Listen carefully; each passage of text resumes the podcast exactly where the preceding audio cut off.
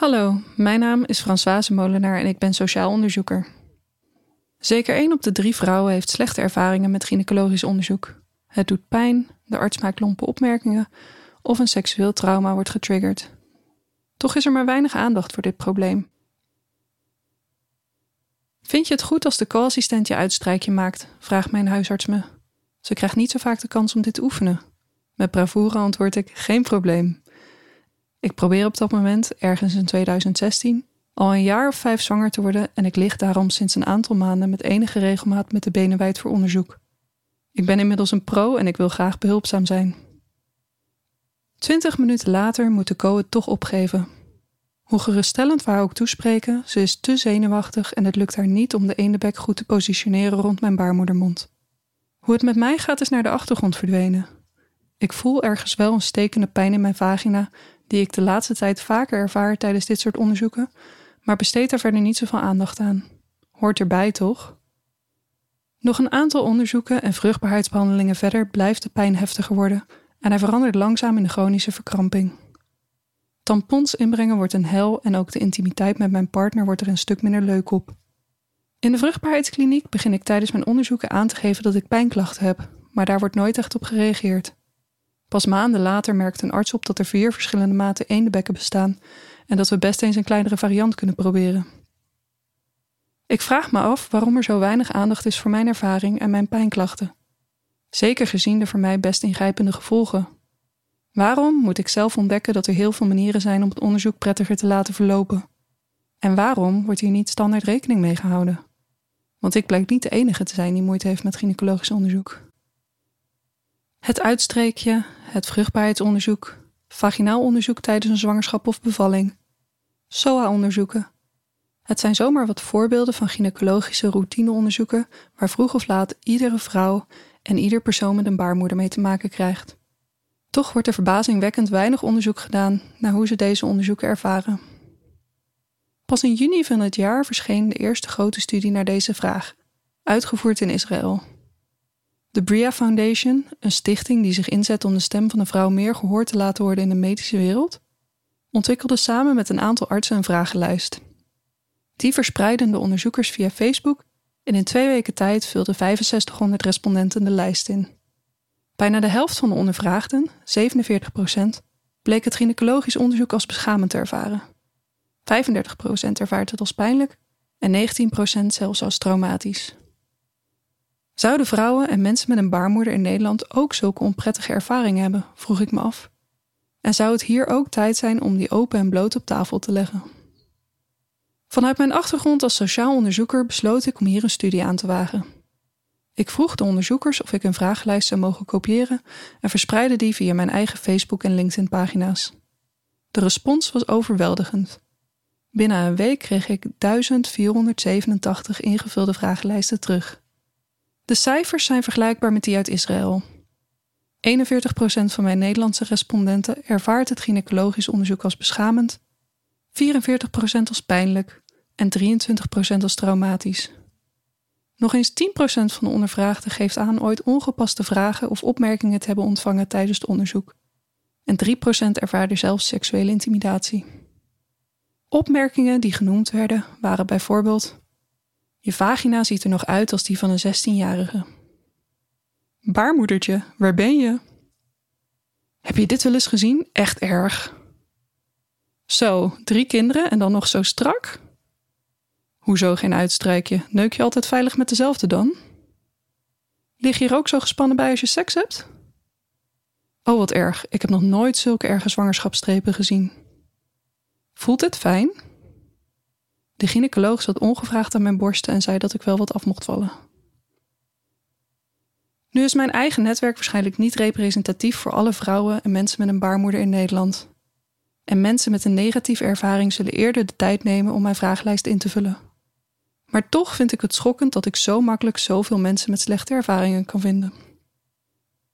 De Israëlische studie veroorzaakte in Israël veel reuring. Volgens hoofdauteur Sarah Tankman is dat omdat de studie dynamiek het blootlegt die normaal gesproken onuitgesproken blijven. Zowel onder het medisch personeel als onder patiënten vanwege schaamte, hiërarchie en kwetsbaarheid.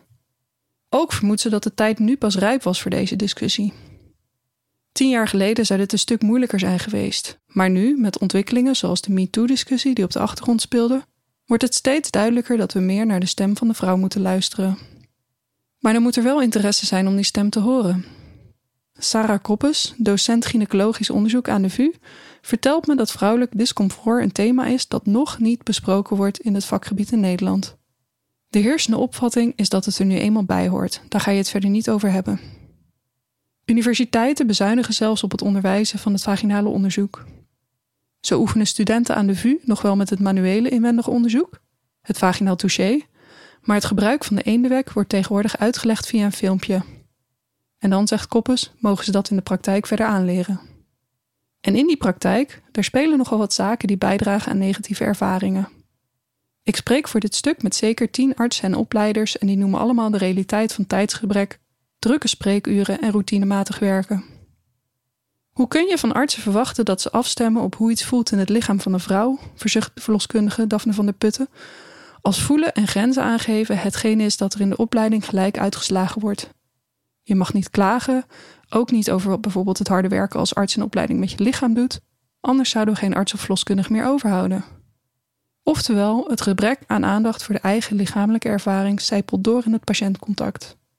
Terwijl rustig de tijd nemen, even contact maken met de patiënt en zorgvuldig te werk gaan nu juist het verschil maken tussen de negatieve en overigens ook vele positieve ervaringen die vrouwen met me delen.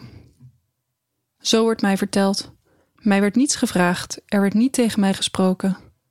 Alsof ik alleen een vagina was waar toevallig een mens aan vast zat. Mijn eerste onderzoek had ik toen ik elf was. De toenmalige arts was zeer negatief, ongeduldig en werd zelfs boos op mij. Ik heb sindsdien pijn bij gynaecologische onderzoeken en ook bij het vrije. Deze eerste ervaring heeft een zeer grote invloed op mijn leven gehad. Ik heb zelfs EMDR gehad om deze ervaring te verwerken. De arts legde eerst alles uit en stelde me gerust. Ik had mezelf aangeleerd om ademhalingsoefeningen te doen tijdens spannende situaties. Dat vond ze geen probleem. Na afloop was er ruimte voor vragen. Mijn huisarts maakt de ene altijd een beetje warm en voelt zelfs door de handschoen heen of hij niet te heet is. Dat is heel prettig. De mannelijke gynaecoloog liet me meekijken via een spiegel en gaf uitleg. Ik voelde me betrokken en gezien als persoon in plaats van een patiënt. Daar komt nog eens bij dat er weinig geïnnoveerd wordt met het medisch instrumentarium, dat soms een verrassend barbaarse oorsprong kent. Dit is in het bijzonder het geval voor de eendebek. Dit instrument werd uitgevonden in de jaren 1840 door James Marion Sims, een Amerikaanse arts die ook wel de vader van de gynaecologie wordt genoemd. Voor zijn onderzoeken experimenteerde Sims op onverdoofde tot slaafgemaakte vrouwen in het zuiden van de Verenigde Staten. Het vrouwelijk comfort stond hier uiteraard niet op de voorgrond. Bijna 200 jaar later is nauwelijks iets veranderd aan Sims' ontwerp van de eendebek. Het zou tot 2005 duren voordat medisch fabrikant Welsh Allen een extra kleine variant van het speculum op de markt zou brengen. Het bedrijf innoveert vooral met de materiaalkeuze, plastic, en het aanbrengen van lampjes, niet met het basisontwerp. In 2005 poogde het Amerikaanse bedrijf FemSuite om een comfortabeler en efficiënter instrument op de markt te brengen. Deze FemSpec, een instrument ter grootte van een tampon die in de vagina opgeblazen wordt, werd ontwikkeld via uitgebreid gebruikersonderzoek. Het lukte het bedrijf echter niet om artsen te overtuigen een nieuw instrument te gebruiken. Volgens Annie Legomsky, hoofd marketing van FemSuite, waardeerden artsen en verpleegsters het nieuwe ontwerp wel, maar waren ze niet bereid om tijd, geld of energie te stoppen in het adopteren van een nieuwe werkwijze. Medische instrumenten die niet met een tijd zijn meegegaan, gynaecologen die geen oog en te weinig tijd hebben voor de patiënt. In dat licht is het niet verwonderlijk dat we vaak zulke vervelende ervaringen hebben. Tekenend is het verhaal van Evelien Bell, een van de gasten in mijn podcast over vruchtbaarheidstrajecten. Ik vond het maken van die inwendige echo's best pijnlijk, vertelde ze me. Maar toen ik dat aangaf, zei de arts alleen maar: Oh, dit hoort eigenlijk geen pijn te doen. Ik voelde me zo niet gezien. In de ingevulde vragenlijsten kwam ik nog tal van dit soort voorbeelden tegen. Vrouwen zeiden bijvoorbeeld: Ik was maagd en ze schreeuwden tegen mij dat ik meer moest relaxen, omdat ze anders niet goed kon onderzoeken. De arts vroeg: Ben je misbruikt of zo? toen ik zei dat het inwendig onderzoek pijn deed. Is het werkelijk zo erg? Waarom moet je hierom huilen? De blinde vlek wordt ook in stand gehouden doordat veel vrouwen niet tegen hun arts durven te zeggen dat ze last hebben van het onderzoek. In het Israëlische onderzoek gaf minder dan de helft van de vrouwen aan dat ze de arts tijdens het onderzoek zouden laten weten wanneer iets pijnlijk of onprettig is. Mijn eigen netwerk schat zichzelf iets mondiger in. 62% van de ondervraagden denkt hier iets van te zullen zeggen. Maar dat betekent dat meer dan een derde van de vrouwen niet weet hoe ze zou reageren of aangeeft dat ze niet zou durven zeggen. Dat staat in groot contrast met de manier waarop mijn vragenlijst ontvangen werd. Ik kreeg tientallen persoonlijke berichten van vrouwen die me bedanken voor dit belangrijke onderzoek en die aangeven hoe fijn ze het vinden dat iemand hier eindelijk eens aandacht aan besteedt. We willen het dus wel hebben over ons ongemak, alleen niet op het moment dat we met onze benen wijd in een stoel liggen. Ik herken dat zelf maar al te goed. Ook ik moet elke keer een drempel over als ik mijn grenzen aangeef en me opstel als de moeilijke patiënt die dingen op haar eigen manier wil doen. Dat heeft alles te maken met de ondergeschikte rol die patiënten vaak voelen ten opzichte van hun arts. Iets waar veel artsen zich vaak onvoldoende bewust van zijn. Sarah Tankman raadt artsen in Israël daarom aan om als een tandarts te werk te gaan. Ga ervan uit dat je patiënt niets kan zeggen en vraag haar om de hand op te steken als er iets niet prettig is. Sarah Koppes, eerder genoemde opleider aan de VU, voegt toe: We leren studenten, als de patiënt aangeeft pijn te hebben, bevries je je hand. En dan ligt de beslissing bij de vrouw: stoppen met het onderzoek of zakt de pijn weg en gaan we verder. Maar zelfs een hand opsteken kan een brug te ver zijn. Sommige vrouwen ervaren zoveel stress tijdens een onderzoek dat ze bevriezen. Zo mailt één vrouw met volgende relaas. Ergens in de verte hoor ik zij die in mij zit iets zeggen. Ik denk dat ze uitlegt wat ze gaat doen, maar het komt niet bij me binnen. Ik blijf naar het scherm kijken en kan alleen maar denken: ik wil dit niet. Zij die in mij zit vraagt of ik ook pijn heb tijdens mijn menstruatie. Ik hoor het haar zeggen. Maar de betekenis dringt niet tot me door. Ook kan ik er geen antwoord op geven. Ik weet het allemaal niet meer. Ik weet niet meer wat ik denk of voel. Ik voel me vervreemd van alles. En vooral vervreemd van mezelf. Slachtoffers van seksueel en of fysiek geweld, in Nederland zo'n 45% van de vrouwen, lopen risico op hertraumatisering als de behandelend arts een dergelijke stressreactie niet herkent. 13% van de respondenten geeft ook aan hier bang voor te zijn. Voor de arts kan zo'n reactie echter moeilijk te herkennen zijn, omdat hier bij iedereen anders uit kan zien. Daarbij geeft slechts 3% van de respondenten aan dat hun voorafgaand aan het onderzoek gevraagd was of ze ooit seksueel geweld ervaren hebben. Daphne van der Putten en Mariette Frits, verloskundigen en pioniers in Nederland op het gebied van werken met fysiek en psychisch trauma in het bekken, pleiten daarom voor wat zij noemen traumasensitief werken. In plaats van dat de arts aan de patiënt uitlegt wat er gaat gebeuren en dan het onderzoek start, dit noemen we informed consent, werken zij met embodied consent. Pas beginnen met het onderzoek als de patiënt daar fysiek klaar voor is. Dit vereist dat de arts continu in de gaten houdt hoe het lichaam reageert op de aanraking en of het lichaam niet op slot schiet. Maar dat kost uiteraard wel tijd. Dat de werkdruk in de zorg veel te hoog ligt en dat artsen te weinig tijd hebben voor hun patiënten is een breder probleem dat een structurele oplossing vereist. Maar bij gynaecologisch onderzoek is er meer aan de hand.